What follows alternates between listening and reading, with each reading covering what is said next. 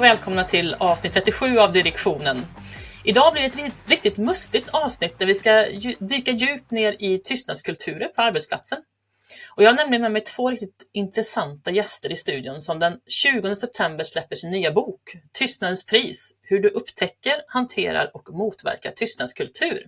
Varmt välkomna hit Susanne Hedén och Kent Åkerman. Tack så mycket.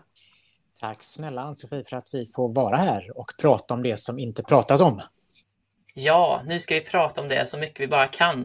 Och jag måste ju också ställa den här klassiska sportkommentaren också. Hur känns det? Ni är ju så nära lansering nu. Det känns både spännande och lite läskigt, precis så där som det ska göra när man släpper någonting. Ja, ett litet Kinderägg eh, kommer ut det är både inspirerande, det är roligt men också lite sådär skrämmande. Vad kommer att hända och ske? Och det är något som vi skriver faktiskt i inledningen av boken också, för vi har fått dem, eller hur?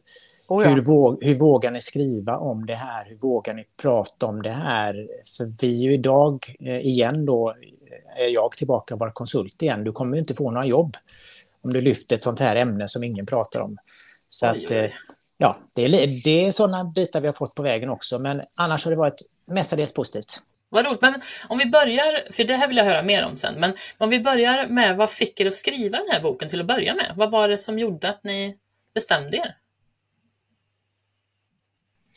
Startskottet var väl egentligen en dag när Kent ringer mig. Jag håller på och eh, ska parkera min bil i Allingsås och vänta ett tag på Eh, och köra hem och Kent var i en riktigt tuff situation på sitt eh, dåvarande arbete där han kände att han ville bolla lite saker med mig. Kanske också för att jag har varit i situationer där det har varit tufft på andra sätt och pratat om och skrivit om hur det är och eh, det var, blev en lång promenad och ett långt prat, eller hur? Det brukar det bli när vi pratar i och sig, men nu tror jag att du inte pratar så mycket utan mest jag.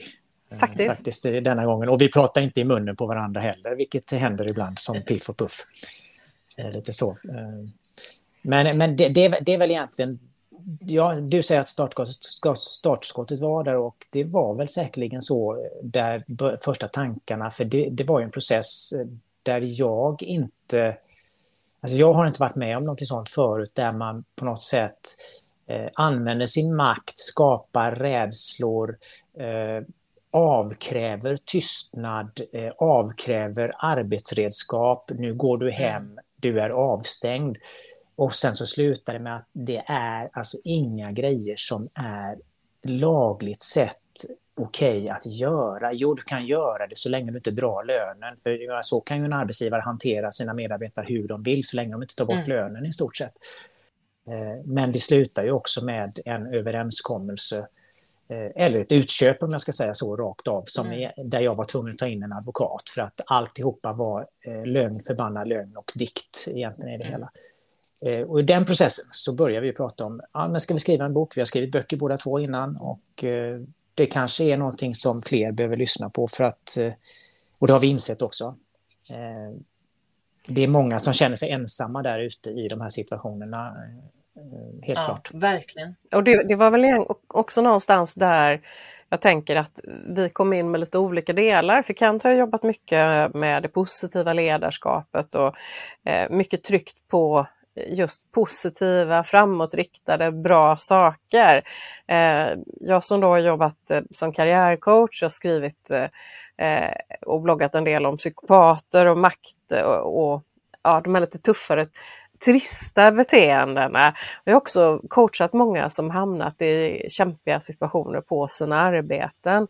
Så för mig så var det lite lättare att komma in i det och tanken att skriva och beskriva det har ju också väldigt mycket varit att hitta ett sätt att prata om någonting där man inte ska känna sig så ensam. För just det här med tystnadskultur är ofta att man hamnar i ett landskap där det är jättetyst och man känner sig oerhört ensam och man har ingen karta och kompass och själva strukturen runt omkring blir ofta också att man blir tveksam, man vågar inte riktigt be om hjälp. Exakt.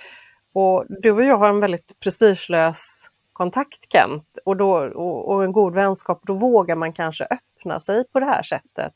Men för många som hamnar i den här situationen så är man fruktansvärt ensam och det kan få faktiskt förfärliga konsekvenser. Mm. Mm. och de behöver vi bry alltså bryta tystnaden kring. Mm. Ja men verkligen, det är ju enormt många som upplever det här och, och som inte riktigt vågar berätta. Och, men oftast brukar det vara så på middagar och så när någon väl berättar det här hände faktiskt mig, nu ska jag berätta någonting som är lite känsligt och lite jobbigt. Då brukar det oftast vara många som säger, vet du vad, det där hände mig också, men jag har inte berättat det för någon. Det är jättemånga som har varit utsatta för det här. Det var ju precis det som hände. Vi har ju skrivit nu 224 ganska matiga sidor eh, varför man ska läsa om det, vad det är, hur det kopplas med psykopati och så vidare, var man hittar den och så här. Och mycket av den kunskapen har vi ju fått genom att vi har gjort en enkät eh, där vi har nästan 200 personer som har svarat.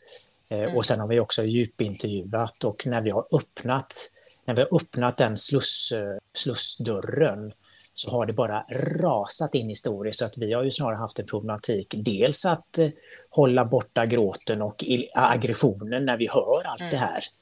Eh, men också då att samla, avgränsa oss. Så att det har vi ju gjort i boken. Så boken handlar ju om tystnadskultur, makt, eh, rädslor, maktspel, fulspel, rävspel, eh, sunkiga kulturer liksom på olika sätt i en arbetssituation på en arbetsplats. Och då pratar vi absolut inte bara offentlig sektor. För några som knäpper på det här programmet och lyssnar, ja, men ja, det är offentlig sektor för det läser man om. Mm.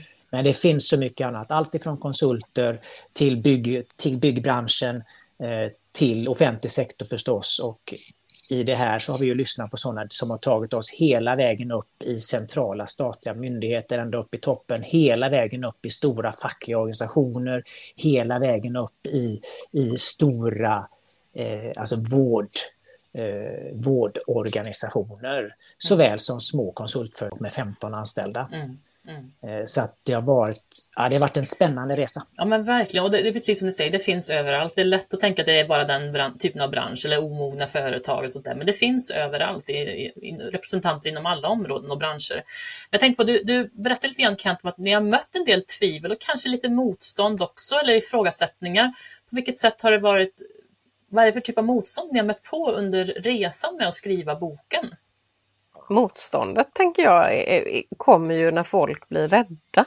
Mm. Eh, för tystnadskultur kommer ju oftast ifrån eh, och det finns lite olika, vi, vi, vi, vi har på något sätt eh, tagit ut det så att vi har pratat om organisationsbunden och personbunden tystnadskultur där man väl kort kan säga att en personbunden tystnadskultur kan, om den personen är tillräckligt länge i ett företag eller en organisation och är tillräckligt dominant, bli till en organisationsbunden tystnadskultur. Men det handlar ju till syvende och sist ofta om någon typ av makt man vill ha, maktpengar, uppskattning eller vad det nu är för någonting. Eh, och det gör att folk blir tysta och rädda och det är klart att man kan ju ibland tänka så här att men det är väl självklart, vi borde göra så här, det vet vi, det står i våra policies och eh, våra värdegrundsdokument.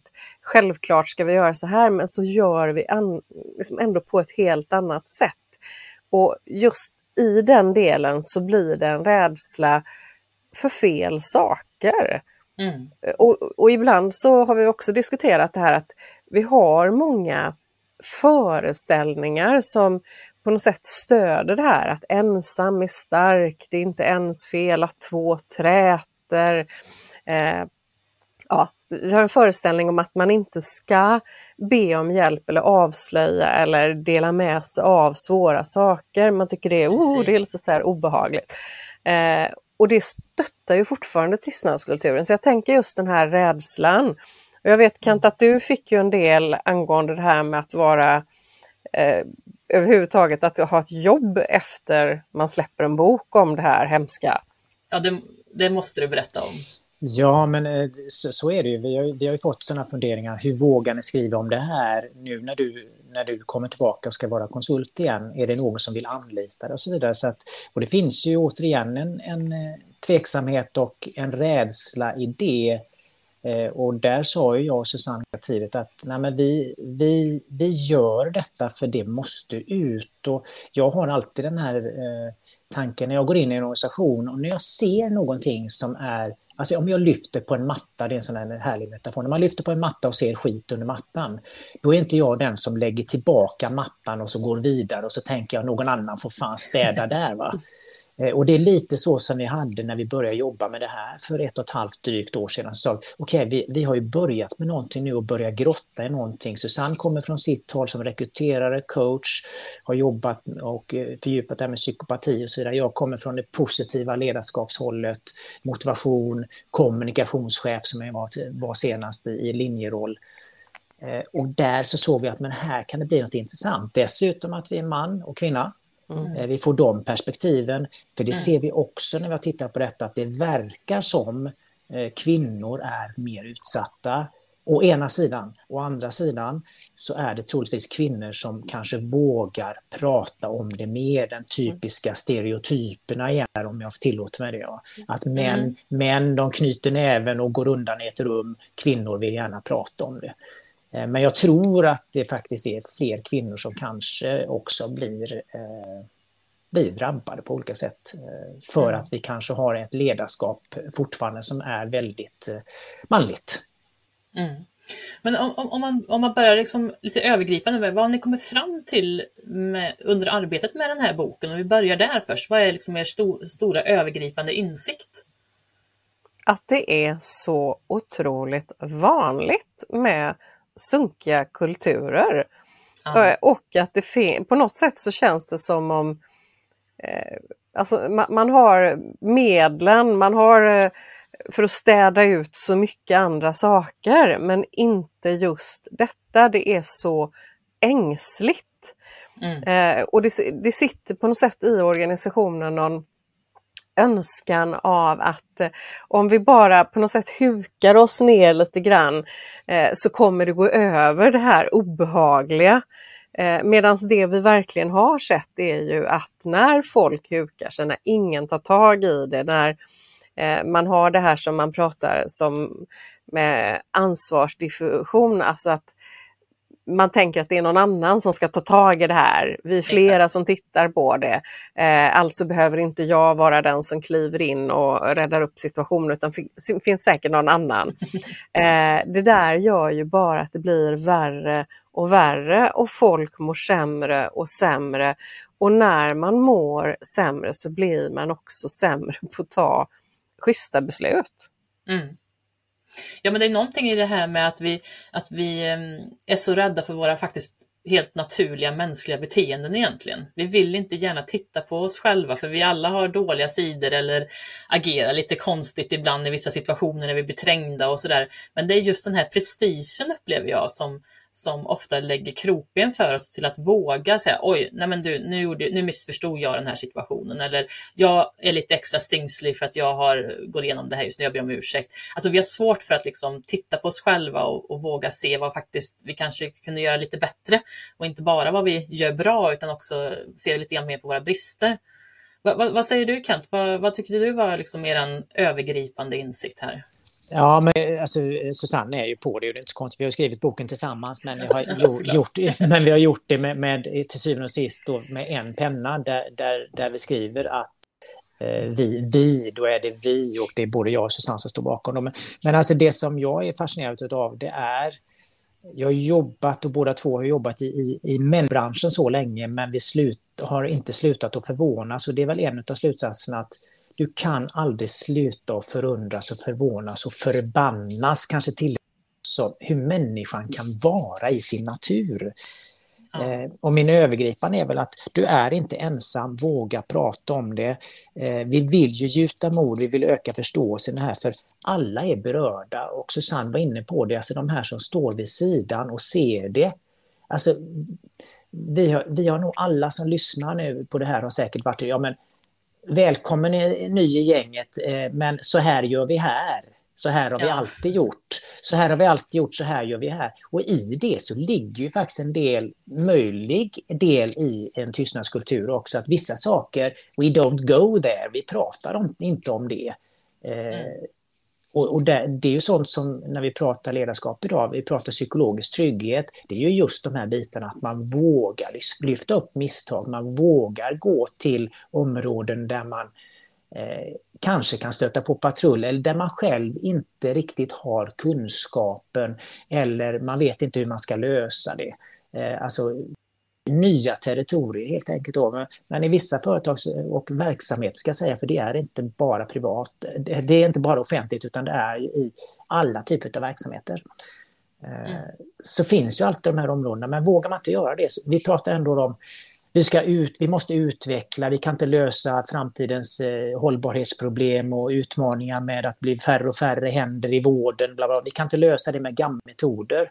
Nej, vad ska vi lösa det med då när inte de nya idéerna tillåts komma och få luft och få näring Exakt. utan att bli tystad? Hur ska vi då lösa det här? Så att där har vi ju en övergripande faktiskt, alltså det här är ju en, en västvärldens, Sveriges, företagandet, eh, offentliga sektorns hela problematik. Vi måste utveckla, men om vi inte tillåter människor att utvecklas Mm. och växa och bidra på det sättet och med den kunskap och potentialen de har. Ja, men vad då? Vad händer då? Så tystnadskulturen lägger ju ett lock på allt med innovation, utveckling, eh, medarbetarengagemang, eh, employee branding och alla de här flosklerna som kastas till höger och vänster. Ja, verkligen.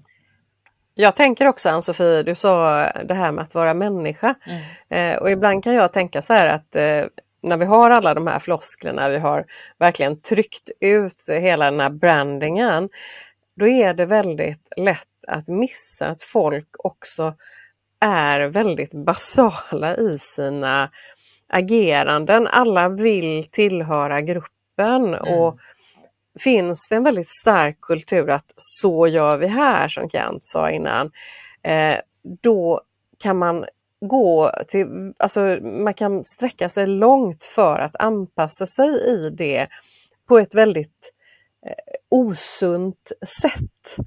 Eh, och någonstans återigen, tystnadskultur är ju inte sund. Och ska man dra det hela vägen igenom boken så handlar det ju faktiskt också om att utöver att vi vill ha arbetsplatser som är roliga, trevliga, trygga och härliga att gå till, så handlar det faktiskt också om att vi ska tjäna pengar i Mm. våra företag och organisationer. Och har vi tystnadskultur så kan den gömma väldigt mycket olönsamhet, mygel, eh, oärlighet, alltså oetiska beteenden, massa sådana saker. Och det är också viktigt att inse för annars hamnar vi i det här att eh, vi försöker uppmuntra folk att vara visselblåsare men vi vet liksom att visselblåsaren kommer att vara den här personen som är hängd ute på stadsporten liksom i smyg. Eh, och därför vill ingen ta den rollen. Så att öppna eh, en annan förståelse för att vi behöver ha ett gott ledarskap, ett gott medarbetarskap. Får jag fylla i lite där Ann-Sofie? För att just det här med pengar, för någonstans när jag pratar ledarskap så ser du alltid, okej, okay, men vad vinner vi på att jobba med motivationen? Vad, vad, vad kan vi spara där eller tjäna där? Alltså tystnadskultur, det är som att, att öppna din plånbok och vända plånboken upp och ner på. Eh, För att om man tillåter det här, precis som Susanne är inne på, om man tillåter det här så, så, så vi ser ju det i, i ökad sjukfrånvaro, Eh, Vi ser det i ökad personalomsättning och vad kostar det inte att rekrytera nytt? Exakt. Eh, Så att alltså det, läck, det läcker pengar när man tillåter antingen då en personkultur, det är en person som går in och domderar och härskar ganska rejält, eller Mm. när det då biter sig fast i kulturen. Eh, Och jag menar, det är ju något som, som det, det finns inte mycket forskning på det här, men man, när, vi, när vi jämför det med eh, Eh, alltså att framföra kritik eh, så har ju exempelvis Vision gjort en undersökning där var tredje medlem i Vision anser att det blivit lägre i tak.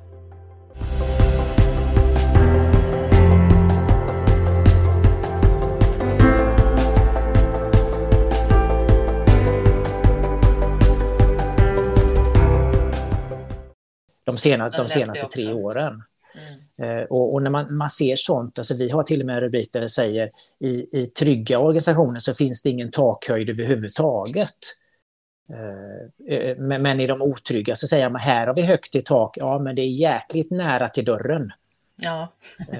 så att, och då har vi en annan stuprörsmentalitet och mm. ja, där man inte tillåter öppenheten. Ja. Så att det är höga kostnader och då har vi inte ens gått in på det mänskliga lidandet och de mänskliga kostnaderna och de konsekvenserna. Vi har intervjuat människor, jag och Susanne, som tre, fyra år efter att det har hänt fortfarande inte har kommit till jobb, fortfarande inte är tillräckligt stark för att de har inte kommit ur det här att jag är ingen, jag är helt mosad i min identitet. För det är identitet, det är inte, det är inte, det är inte så, man pratar sällan om saken utan det är ju Kent som är helt kass.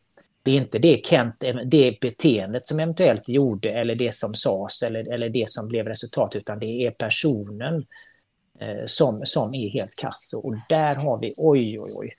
Eh, ja, ja. Bok nummer två. Ja, eller hur. Exakt. Ja, Vi kan skriva så, så en lång eh, serie om det här känns det som också. Men, men jag tänker så här, vad var, det, var det någonting i research som förvånade er? Någonting som ni inte hade räknat med eller tänkt på? Inte för min del måste jag ju då tyvärr säga eftersom jag har varit och grävt i en del eh, tråkiga eh, saker the dark side. innan. Ja, men jag, jag, känner verkligen att jag har varit på the dark side. Eh, där tror jag Kent att du hade en del eh, saker som du var betydligt mer förvånad över.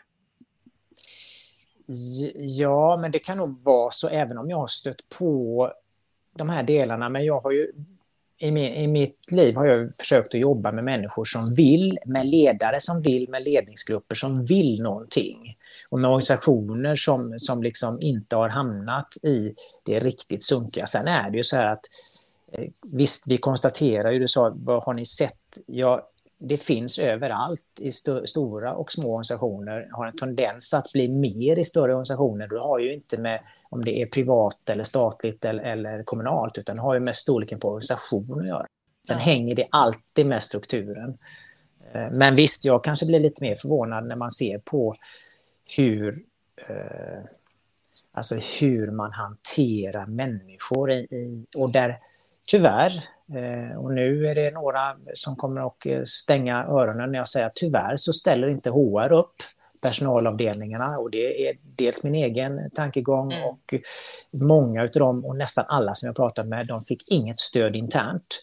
Mm. Eh, tyvärr eh, fackförbund i all ära och den traditionen vi har i Sverige med starka fackförbund och de ska vara starka i, i olika verksamheter och inte minst i den, på den offentliga sidan och i större privata verksamheter ställer inte upp heller för att de personerna där, de är ju verksamma i verksamheten också. Mm. Och får de då någonting, ja då känner de, nej men nu gör jag det lilla jag behöver göra här, för annars är ju risken att jag halkar in i det här också.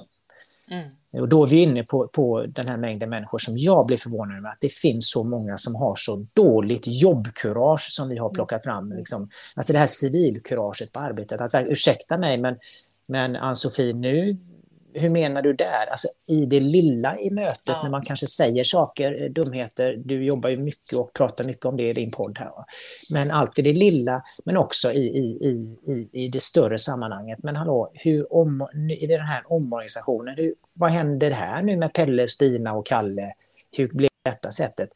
Så länge man inte blir drabbad själv så ser man det, man ser men inget gör. Och det blev jag riktigt sådär, nej men FAN, varför, varför är det så här? Och det är väl kanske, risk, det är väl kanske därför att jag själv också blev drabbad, för jag eh, såg och jag sa ja. Eh, vad jag såg. Eh, för, för det, ligger, det ligger i mig, alltså på, på, påtala, okej, okay, men kan vi inte göra så här för att då blir det ju bättre för helheten. Mm. Men i det här så är det, du är dig själv närmast. oftast är det kanske då en personbunden, en person som är sig själv närmast, som ser sin karriär eller, eller vad det nu kan vara.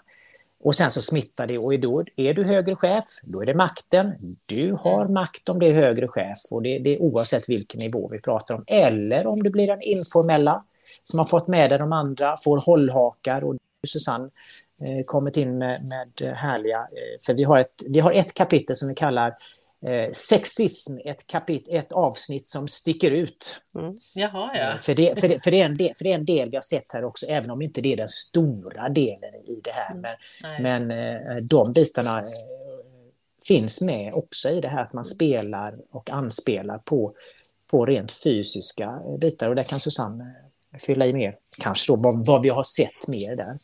Mm. Ja, nej, men det, jag, återigen det här att prata om känsliga ämnen så är det ju så att det är ju tufft.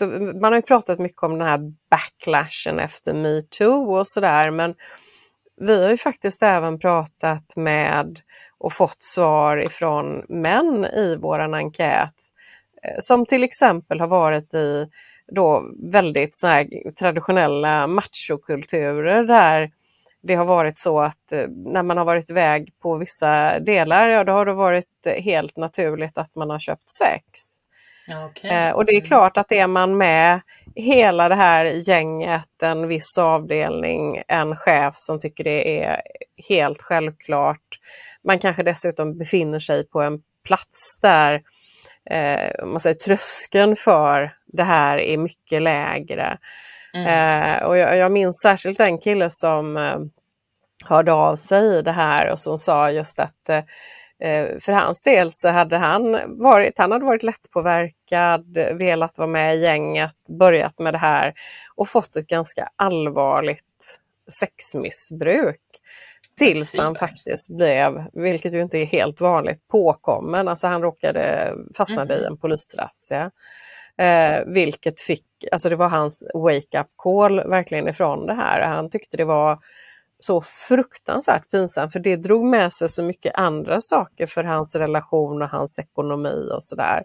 Och allting startade med att han bara ville vara med i gruppen och alla vill ju vara med i gruppen. Ja. Och återigen, det är lätt att kompromissa för att få lov att vara det. Ja, och jag tror att någonstans så börjar de här eh, giftiga kulturerna och toxiska kulturerna, att de har vissa attribut som kanske man vill tillhöra. Det kanske är en vinnarstämning, vi är vinnare på det här företaget eller vi ligger i bräschen i vår bransch. Eller man, vill liksom ställa upp på det här någonstans, man vill tillhöra den här gruppen. Eh, men sen så successivt så förflyttas kanske gränserna för vad som är acceptabelt och som du var inne på Kent också, att man märker att men vänta nu, de personer som ifrågasätter det här, de bemöts med tystnad eller de eh, bestraffas lite subjektivt på olika sätt och sådär. Och, och, man får med sig det och utan att man ens har märkt det så har man börjat gå med och bli nästan passivt delaktig i de här tystnadskulturerna. Det tycker jag är nästan det läskigaste, att man kanske inte alltid inser som medarbetare att eh, för det har, det har jag hört en hel del från våra eh, medlemmar på Snafu Rescue Advisors, att de både känner att de blir utsatta för saker och ting själva, men de inser att de själva är passivt delaktiga i situationer, vilket jag tycker är väldigt starkt att man kan erkänna det. Att jag, när chefen gick på Anna här, då vågade inte jag bita ifrån. Jag vågade inte dra en gräns. Jag borde ha gjort det, men jag sa det till Anna efteråt att jag stötte henne. Men det är inte alls samma sak som att sätta ner foten och visa för alla att men vänta här nu, så här beter oss vi, vi vill oss inte. Och det tycker jag är läskigt att kulturerna kan bli det här förflytta oss någonstans som vi inte riktigt är medvetna om. Jag, jag, jag, tror att vi ser ganska mycket sånt i, i möten som är där, där eh, det händer saker på ett möte, det sägs saker som riktas åt något specifikt håll och sen så den personen sen efter mötet håller, håller samman under mötet. Jag har varit med på möten till och med där personen faktiskt har brustit i gråt under mötet och där den då som har sagt eller gjort någonting inte överhuvudtaget fattar vad, varför, men herregud, hur kan du tycka så, si och så. Mm. Och, och, vi har ju formulerat här utifrån eh, i boken så hittar man tystnadskulturen eh, i åtta olika faser. Mm. Eh, och det är ju inte, det som Susanne var inne på nu, det är ju inte den stora delen, men den finns där. Och jag tror att det är ännu mer mörkertal på det här med när man kommer till, till sexuella anspelningar och så vidare. Vi hade en, en som pratade om att när hon var nyanställd, så ja men du kan gå för, så sa den manliga chefen, du kan väl gå före mig uppför trappan här. Och så, så, då märkte hon att han spände blicken på hennes rumpa då, eh, givetvis. Mm. Och, för hon märkte det och det var, det var liksom första eller andra dagen på jobbet. Så de bitarna finns ju och det är ju de här åtta stegen som vi har, eller faserna, eh, det börjar med någon form av förminskande och sen har vi kommit fram till en, en känsla av obehag. Eh, och sen då undanhålla information och sen så missförhållande tystas ner, alltså om man har informationen. När man väl får tag i den sen så nej, nej, nej, nej det pratar vi inte om. Eh, och sen då, det här ska du prata om istället, det ska vara rätta informationen. Och sen om man då säger någonting annat, nej men nu är du korkad, nu är du dum, då blir man mm. nedlåtande, dumförklarad. Och redan här har ju de flesta tappat och sagt att det är ingen idé jag säger någonting, lika bra håller käften. Nej, precis. Eh, för att annars, så, alltså, tyst, tyst, tyst munnen annars eh, så, så, får jag bara mer skit. Liksom då. Och det, slut, det slutar någonstans med att eh, lögnerna blir sanning. Det blir en sanning. Det är så här vi gör, det är så det som är sant. Mm. Eh, och sen mm. så är man utfryst. Liksom. Så att, så det, det, och det kan ju gå i vissa lägen ganska snabbt om man inte är medveten om det. Men det, det, det är några av de faserna och eh, vi pratar också på andra ställen i boken om de tidiga, tidigare tecknen och de hänger ju lite ihop med det här. Då.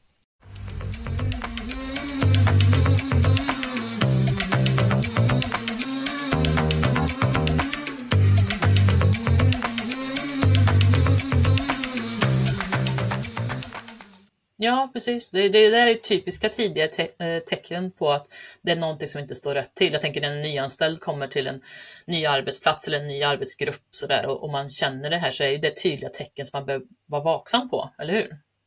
Ja, och tar man upp det då och säger men, ja, men han är sån eller hon är sån. Du får bara acceptera det. Men alltså, det finns ju vissa saker som du inte ska acceptera och därför har det varit så givande att skriva det här med Susanne. Mm. För vi, vi ser ju det med, alltså, antingen man vill eller inte, så har vi ju precis som vi citerar i boken, en, en eh, kvinna, Margareta, där, som faktiskt har namn, nej, ja, hon heter Margareta. Så. Hon säger, ja men vi har, vi har olika, en del har skinnlappar mitt på magen och eh, andra har dem längre ner. Eller mm. vissa har skinnlappar eh, på, på bröstet och vissa har skinnlappen lite längre ner. Mm. Och någonstans, någonstans det här, det, spelar ju roll i det här också. Det är jag mm. övertygad om. Eh, inte mm. bara när det gäller, gäller det sexuella och, och den typen av trakasserier och så vidare. Då. Eh, utan alltså även hela tystnadskulturbiten. Mm. Så att, ja, det finns, det finns mycket att prata om där. Ja, verkligen. Men hur ska man, hur ska man eh, tänka då? Om man, om, man, om man är på en arbetsplats, en del av lyssnarna kanske är på en sån arbetsplats eller har varit, och så känner de så här, nu ser jag de här tecknen som Susanne och Kent pratar om. Vad, vad, är man, vad ska man göra tycker ni? Vad, vad, hur ska man förhålla sig till det? Hur ska man agera? Har ni någonting ni kan bjussa på lite? Det handlar ju väldigt mycket om egentligen vem det är som står för den här tystnadskulturen. Mm. För hamnar man i ett företag där man, som är personer jag har pratat med som kanske dras till ett företag för det är en otroligt karismatisk ledare. Som du sa också Ann-Sofie, det är en, en häftig bransch, man bara känner wow, här vill vi vara, det är jättecoolt. Eh, och så är det ifrån ledningen eller från ledaren som tystnadskulturen på något sätt sipprar ner. Eh, då har vi väl enats om, och jag vet ju när jag även coachar folk, då är det bara gör din exitplan. Mm. Eh, för det där är en strid som man oerhört sällan vinner. Det är svårt att gå till styrelsen. Som Kent sa innan, det är tyvärr ofta så att HR har ofta en låg status i förhållande till ledningen i företaget, vilket är jättetråkigt och facket kan vara lierade med det hela. Är det dessutom så att du kanske bor på en mindre ort till exempel, som en del som vi har pratat med, ja, ja, då, då räcker det liksom inte att någon är en duktig fackperson, för man kanske fortfarande har ungar i samma fotbollslag mm. eller blir påverkad på andra sätt. Sådär. Så att det handlar ju om att fundera på, är det här en situation jag kan göra någonting åt eller är det inte? Är man en person som upplever att man kanske inte själv primärt är utsatt, då tycker jag faktiskt att vi har tagit upp att det finns en del små trick, att man faktiskt kan våga öppna munnen eh, och säga olika saker, för det är vi också jättedåligt tränade på. Vi har liksom ingen vokabulär, vi har ingen sån här handbok för att säga någonting, men att bara Nej. kunna säga att hur menar du då? Det där förstår inte jag som du säger om Lisa här. Mm. Eh, eller kanske säga, det stämmer inte. Nej. Det du säger just nu, det stämmer inte. Det där får du förtydliga för jag fattar inte. För oftast är det, alltså tystnadskulturen kommer ju oftast av någon som säger saker som kan vara rena lögner på ett väldigt självklart sätt. Och därför vågar folk inte säga någonting. Nej. Men säger man men vet du vad, det där stämmer inte, det är inte min erfarenhet eller jag ser det på det här. Då kan man börja skifta eh, det hela. Mm. Eh, sen är det givetvis bra att gå till Lisa och säga, jag håller, som du, också som du sa här innan, att eh, jag hörde vad de sa, jag stöttar dig, men det är så mycket mer verksamt att säga någonting under tiden. För ibland är det ju bara en dum idé eller obetänksamhet eller vana. Så det, det kan gå att göra det lite lättare. Eh, är det däremot en person som är någon annanstans i organisationen då är väl vårt råd egentligen absolut att man ska fundera på om det faktiskt går att eh, hantera det på ett mera eh, praktiskt sätt. Att fråga om det, att ställa frågor, att eh, ifrågasätta. Och företag som till exempel om man nu sitter som chef och upptäcker att det är, jag har, jag har en sån här liten smitthärd någonstans i bolaget. Då kan det ju vara jättebra att faktiskt ta in en utomstående konsult som tittar på vad har vi för attityder i bolaget? Vad, hur går snacket? Så att man kan lyfta det på ett lite lättare sätt. Ja. Och i, i, i, grunden, alltså, Susanne är ganska kvick till att ja, men är det så så lämna. Men tyvärr, tyvärr, tyvärr, det, säger, det säger, säger kanske du och jag och alla vi tre, för vi är ganska starka personer, vi vet vad vi går för, vi vet vad vi kan. Mm. Men de flesta skulle jag vilja påstå, de förblir passiva. Där har du den, stor, där har du den stora massan, de som, oh ja. Eh, de som faktiskt har gjort ett, eh, för, och det är ju i, sig ett aktivt val också, att jag fortsätter att jobba på. För att man behöver lönen, man behöver eh, den fasta inkomsten som sagt var. Man vill vara i ett sammanhang, man har bara fyra år kvar till vad det nu kan vara. Att man ska gå i pension eller så här, eller, eller, den här, eller det finns inga andra jobb på den här orten. Så att av olika skäl så blir man liksom i att jag behöver nog, jag måste nog vara kvar. Ja. Men där, där, och Susanne var inne på, där, det är en villfarelse oftast vi har mentalt i skallen, för vi tror inte på vår egen förmåga. För vi har liksom blivit eh, indoktrinerade i den här kulturen så länge. Ja. Eh, men annars förbli passiv, aktivt förändra, ja, men det är väldigt få. För vill du förändra och du slår huvudet i väggen och blir blodig, eh, och har du inte då tillräcklig nivå i, alltså där du sitter, för det här är en ledningsfråga. Det mm. är i min värld så är det till syvende och sist så är det ett dåligt ledarskap som inte ser, som inte hör, som inte vågar ta tag i. Som i sin tur har, har skälen är att ledningsgruppen i sig inte lärt känna varandra och tar sina respektive ansvar beroende på vad man nu eh, jobbar med och ser på helheten. Sen kan vi från HR och så vidare, ja men vi ska ha en ny policy, vi ska ha en ny, ny chefsrutin, vi ska ha en ny duttan och duttan. Och det skriver vi också, styrdokument löser allt. Något! Alltså vi skriver nya styrdokument, men det är inte styrdokument som löser, det är människorna eh, som måste få det i sig. Vi måste börja prata om det. Så att aktivt förändra de som börjar göra det, då måste du ha mandatet och makten att kunna göra det också. Annars så är den sista, och det, var där, det är bara lämna och släppa taget. Ja.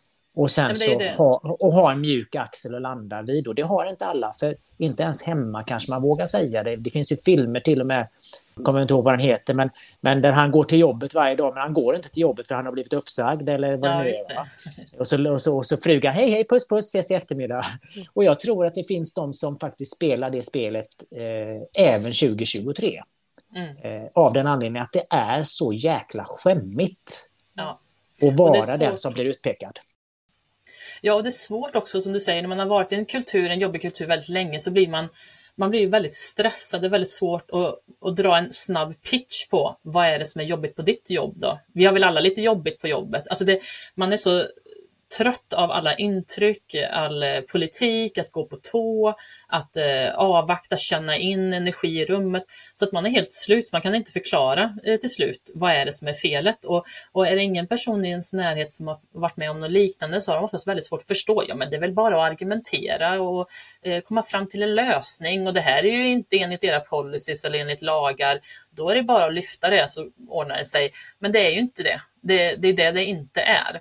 Och det, det, det är väl den maktlösheten man ofta känner och jag tror att vi var lite inne på det där att jag tror att det är viktigt också att man förstår sin omgivning, inte bara vad jag känner, vad jag upplever och hur jag ska respondera på det, utan också förstå vad är det som händer här egentligen för att kunna eh, se hur ska jag klara mig tills dess att jag får komma härifrån. Under min exitplan så ingår det också hur ska jag överleva tills jag får mitt nya jobb, en ny arbetsplats. Eller hur, och man behöver ju sätta långa korta mål. Jag tänker också att det är viktiga där, för när man känner sig sådär jätteensam och folk säger att men det är väl skärp dig bara, kom igen nu. Ehm, för den som står utanför så måste man förstå att den dag någon säger det är lite kämpigt på mitt jobb. Mm. Då är det förmodligen bara den här lilla, lilla biten av vad man egentligen upplever. Och sen handlar det också om att det här är någonting som byggs på. Det är liksom så små, små legobitar i den här biten.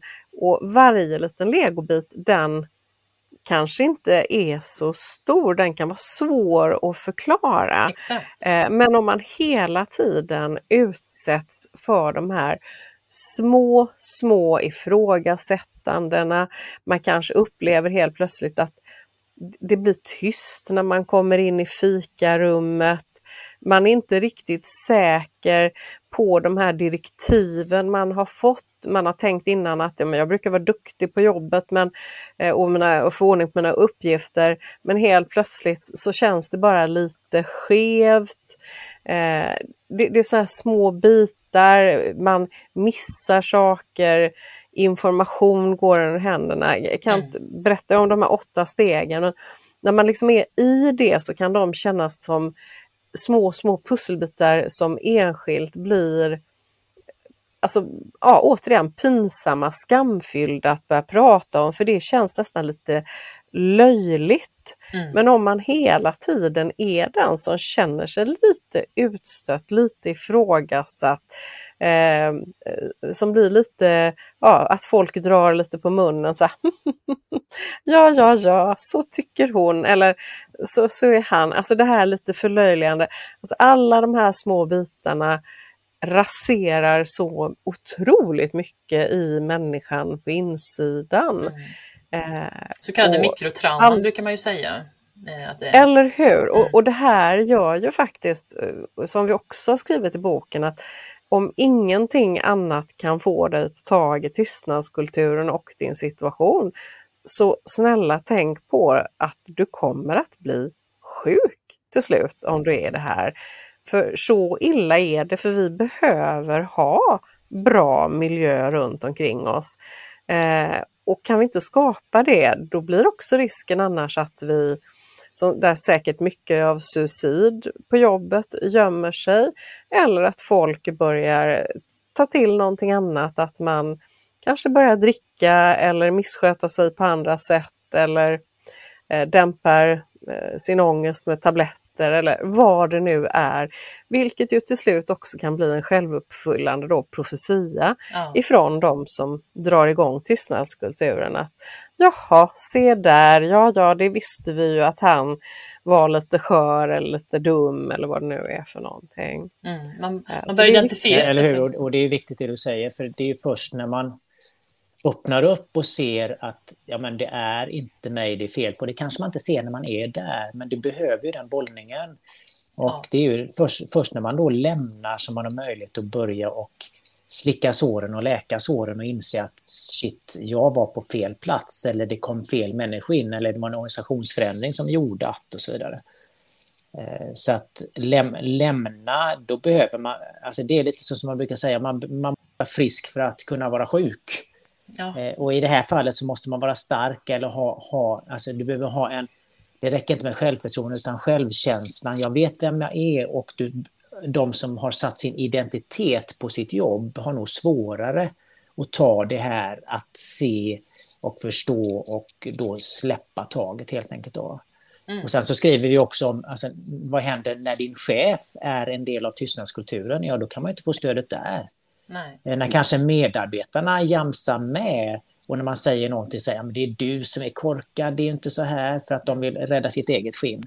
Eller som vi skriver om i boken också, när HR inte stödjer dig så har vi lite tips och tankar till vad gör du då?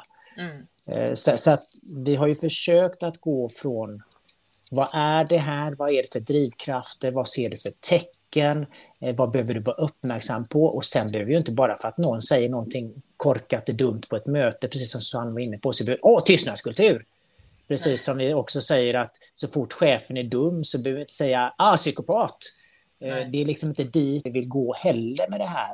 Eh, För det är inte så för att vi är människor och i det mänskliga sammanhanget så är det ett spel hela tiden. Det är ett givande och ett tagande och ett lärande eh, och utveckling och inveckling och avveckling. Det är liksom naturligt Ja. i det där paketet. I det där då. Det är så sant. Eh, Men, men alltså det, får du inte stödet kan du inte göra någonting.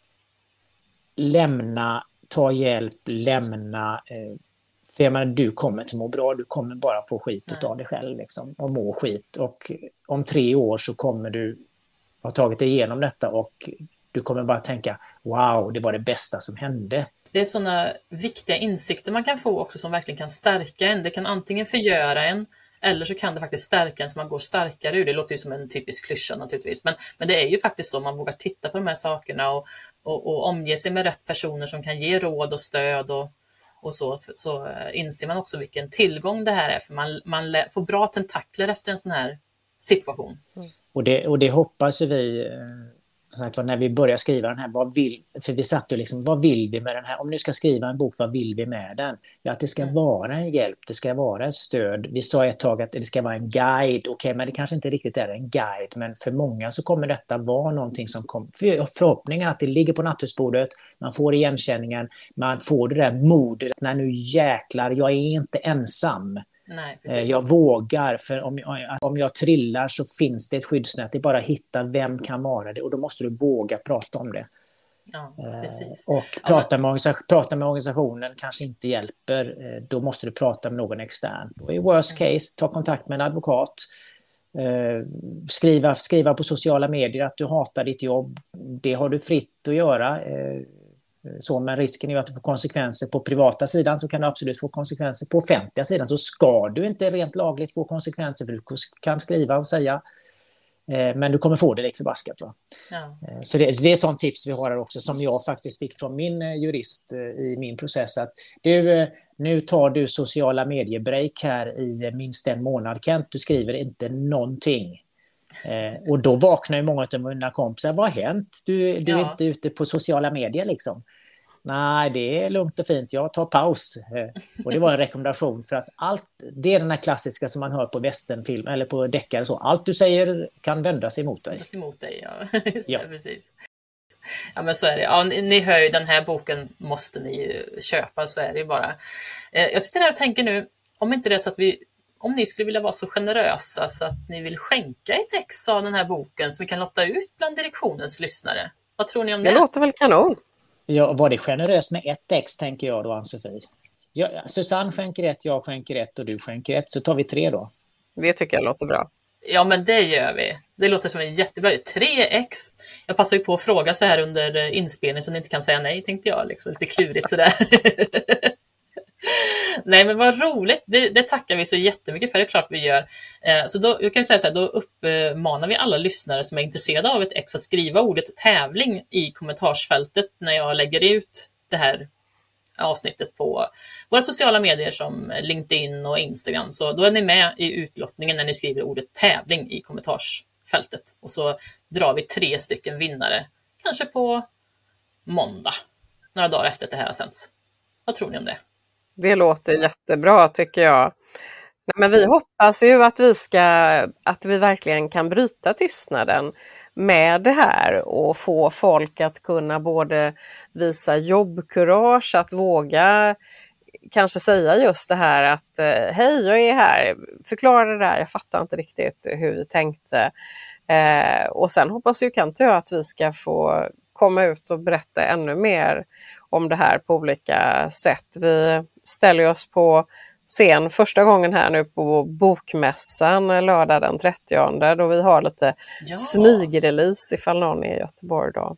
Åh, oh, vad roligt, vad härligt. Ja, men då får ni inte missa det, ni som är i Göteborgsområdet där. Eh, jag är så eh, himla tacksam för att ni kunde komma hit och prata om det här, för det här är ett, ett område som jag också brinner jättemycket för. Att vi kan inte prata nog mycket om tystnadskulturer och, och vi märker som sagt att eh, det här är ett jättebehov. Hur många håller det här inom sig och det blir till sår och mön negativa mönster som sitter kvar i åratal. Så det är så himla viktigt att vi pratar om det här. Så jag är jättetacksam jätte för att ni kom hit idag och delade med er av det här fantastiska informationen som ni har jobbat med under den här tiden som ni har tagit fram er bok.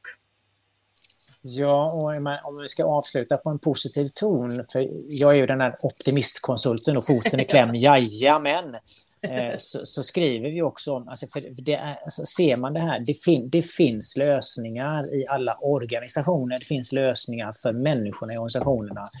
För att man behöver liksom inte lämna, men vi ser ju massavhopp på vissa ställen. Eh, och eh, jag läste någonting nu om det här med quitting, alltså att det kommer mass, alltså det är många som lämnar.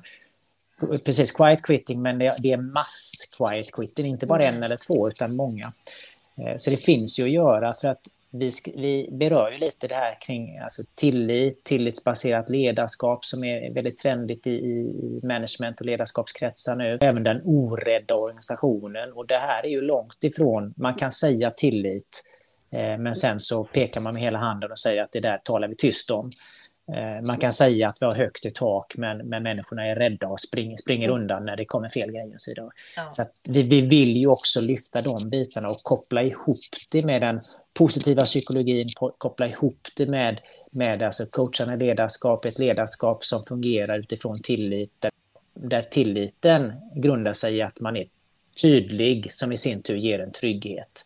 Mm. Eh, så att, och det är de variablerna som vi människor vill ha. Vi vill känna att vi är i en trygg atmosfär där vi kan vara oss själva ja. och kunna leverera på, på hög nivå. Liksom då. Så att, och det är vår förhoppning att den här boken och de 224 fullmatade sidorna eh, ska liksom poppa ut och det räcker att, jag säger så här, kan vi hjälpa en, mm. två, fem, åtta, tio till ett bättre arbetsliv, till en bättre eh, miljö på jobbet, så är jag jätteglad. Vi hoppas ju kunna hjälpa många, många fler, för att det är en bok, det är en bok för, som Ikea säger, det är för de många.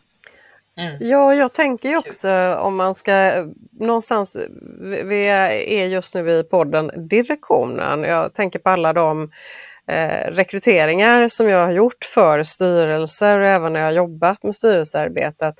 Vi skulle också behöva den orädda direktionen som vågar ja. bryta tystnad och som vågar ställa andra krav på ledarskap. Jag vet hur otroligt svårt det kan vara att sitta i en styrelse och försöka uppfatta hur är egentligen kulturen i företaget?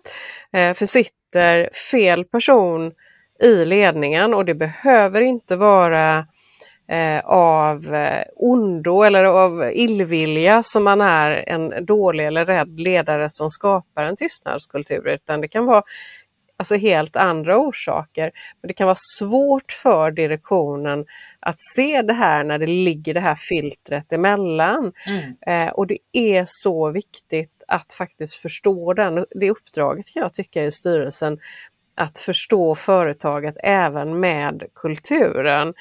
Eh, för det är verkligen affärsuppdraget och kulturen som skapar hiss eller diss på vart man är på väg. Det är jätteviktigt. Mm, verkligen. Ja, tusen tack för jättebra insikter och, och jag, jag, är så taggad. Jag måste ju också köpa ett ex av den här boken naturligtvis. Så tusen tack snälla ni för att ni kom hit idag och lycka till med boksläppet. Tack snälla. Tack snälla Ann-Sofie.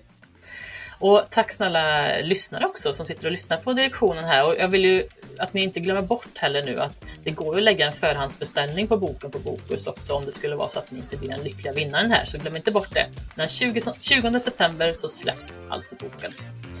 Okej, då får ni ha det så bra allihopa och så hörs vi snart igen.